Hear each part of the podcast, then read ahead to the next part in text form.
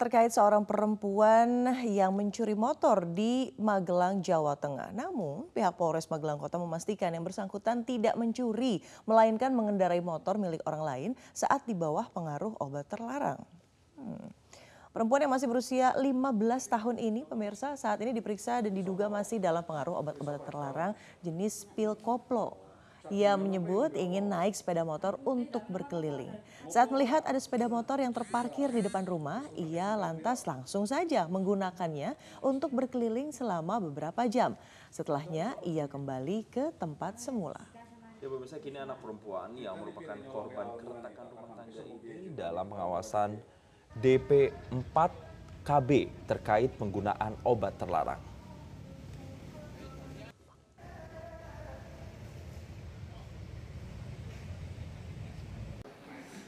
Pemeriksaan dari seluruh anggota terkait kejadian ini bahwa si pelapor sudah mencabut laporannya dan tidak mau melanjutkan laporannya karena yang bersangkutan mengetahui bahwa anak ini membawa motor ini di dalam kondisi pengaruh obat. Pemirsa di media sosial beredar video para atlet dan perwakilan KONI memprotes bonus kemenangan Pekan Olahraga Provinsi 2022 ke Dinas Pendidikan dan Olahraga Kabupaten Pesawaran Lampung. Para atlet mempertanyakan bonus kemenangan atlet yang hingga kini tidak kunjung diberikan. Bahkan beredar kabar ada pengurangan bonus kemenangan. Seorang atlet, tepatnya atlet gulat ini bahkan heran bagaimana bonus yang semula dijanjikan berjumlah 3 miliar rupiah kini malah jadi sekitar 1 miliar rupiah saja. Dalam tiga hari terakhir, kasus COVID-19 di Indonesia kembali melonjak.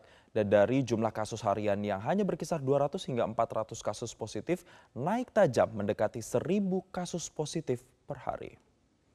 Jumlah kasus positif harian pada 13 April kemarin pemirsa tercatat yakni 990 kasus. Hampir separuhnya atau sebanyak 441 kasus ditemukan di Provinsi DKI Jakarta. Tepatnya 44,5 persen dari total kasus kemarin.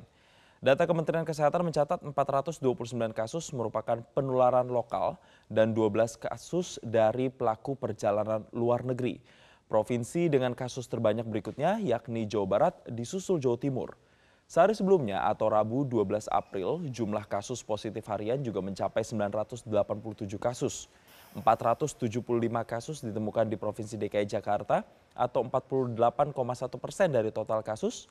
11 di antaranya meninggal dunia Sementara pada Selasa 11 April, kasus COVID-19 di Indonesia bertambah 944 kasus dengan 14 pasien meninggal dunia. Imbauan untuk melengkapi vaksin COVID-19 dan penggunaan masker pun kembali diingatkan untuk mengurangi penularan.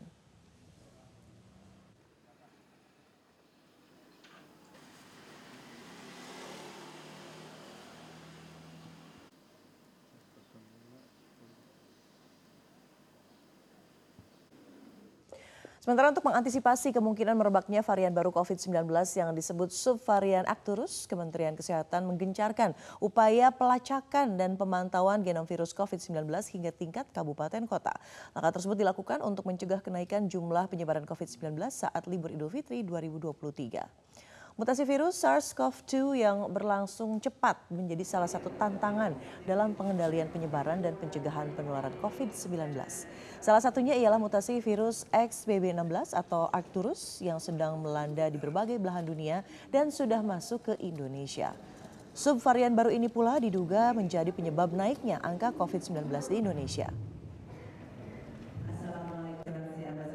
Pelacakan dan pemantauan genom virus COVID-19 terus digencarkan mengingat akan masifnya pergerakan masyarakat pasca pencabutan status pemberlakuan pembatasan kegiatan masyarakat dan mudik lebaran 2023 yang akan mencapai puncaknya pada tanggal 19 hingga 27 April mendatang. Meski demikian, Kementerian Kesehatan meminta masyarakat untuk tidak terlalu khawatir karena pemerintah kini lebih siap untuk menghadapi berbagai kemunculan varian baru COVID-19.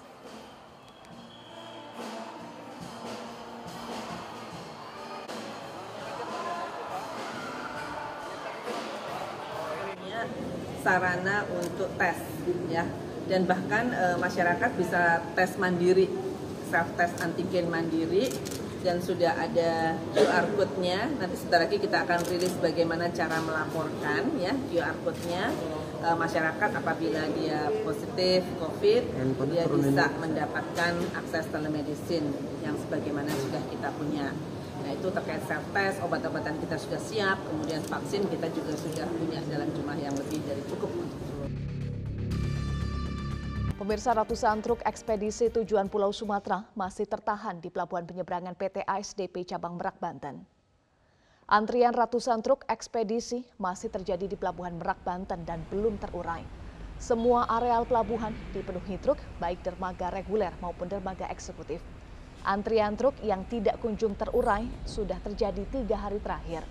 Hal ini disebabkan meningkatnya volume truk tujuan Sumatera jelang Hari Raya Idul Fitri dan diberlakukannya pembatasan truk yang melintas mulai 17 April mendatang. Saat ini supir truk yang ingin naik ke kapal harus mengantri selama 4 jam di dalam pelabuhan.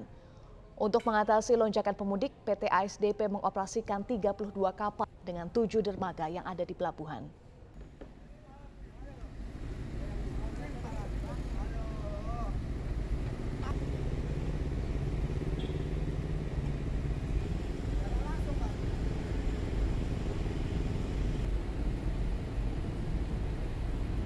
Korlantas Polri menerapkan aturan pembatasan truk logistik yang akan melintas di jalan tol dan arteri selama arus mudik dan balik lebaran 1444 Hijriah. Pembatasan truk logistik yang akan melintas saat arus mudik dan balik tidak berlaku bagi angkutan barang pengangkut logistik vital seperti bahan bakar minyak. Angkutan pengangkut logistik vital ini diperkenankan melintas di jalan tol dan arteri selama arus mudik dan balik lebaran 2023. Angkutan eh, sumbu roda tiga yang memiliki tonase 14 ton ke atas kalau saya tidak salah ya, itu mohon maaf kalau ada yang salah tadi, itu uh, diatur waktunya. Mereka diminta untuk tidak operasi uh, beberapa hari pada jam-jam sibuk, nanti uh, diberikan izin lagi pada hari-hari yang kita kategorikan sudah landai. Detasmen khusus 88 anti teror Polri menangkap enam orang tersangka teroris di dua lokasi berbeda di Provinsi Lampung.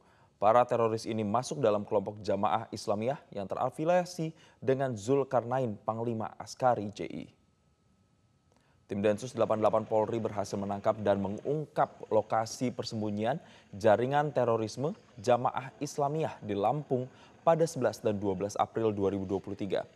Juru bicara Densus 88 anti teror, Kombes Polisi Aswi Siregar mengatakan ada enam orang tersangka yang ditangkap di dua lokasi berbeda yakni di Mesuji dan di Pringsewu. Dalam penangkapan tersebut sempat terjadi baku tembak antara petugas dengan para teroris yang mengakibatkan dua teroris berinisial NA dan ZK tewas. Diketahui NA merupakan tokoh sentral dalam kelompok jemaah Islamiyah dan memiliki bengkel perakitan senjata api. Tersangka NA telah masuk dalam daftar pencarian orang atau DPO sejak tahun 2015 hingga 2016 lantaran menyembunyikan tersangka bom Bali satu yakni Zulkarnain.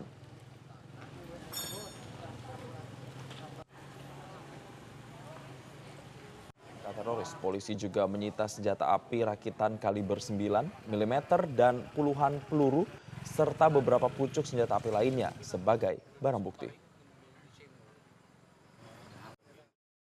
Operasi berlangsung uh, cukup sukses walaupun di dalamnya terjadi baku tembak antara uh, tim Densus 88 dan uh, para tersangka tindak pidana terorisme tersebut. Enam dari pelaku yang ditangkap tersebut, dua di antaranya harus dilumpuhkan atau dilakukan tindakan tegas karena uh, memberikan perlawanan.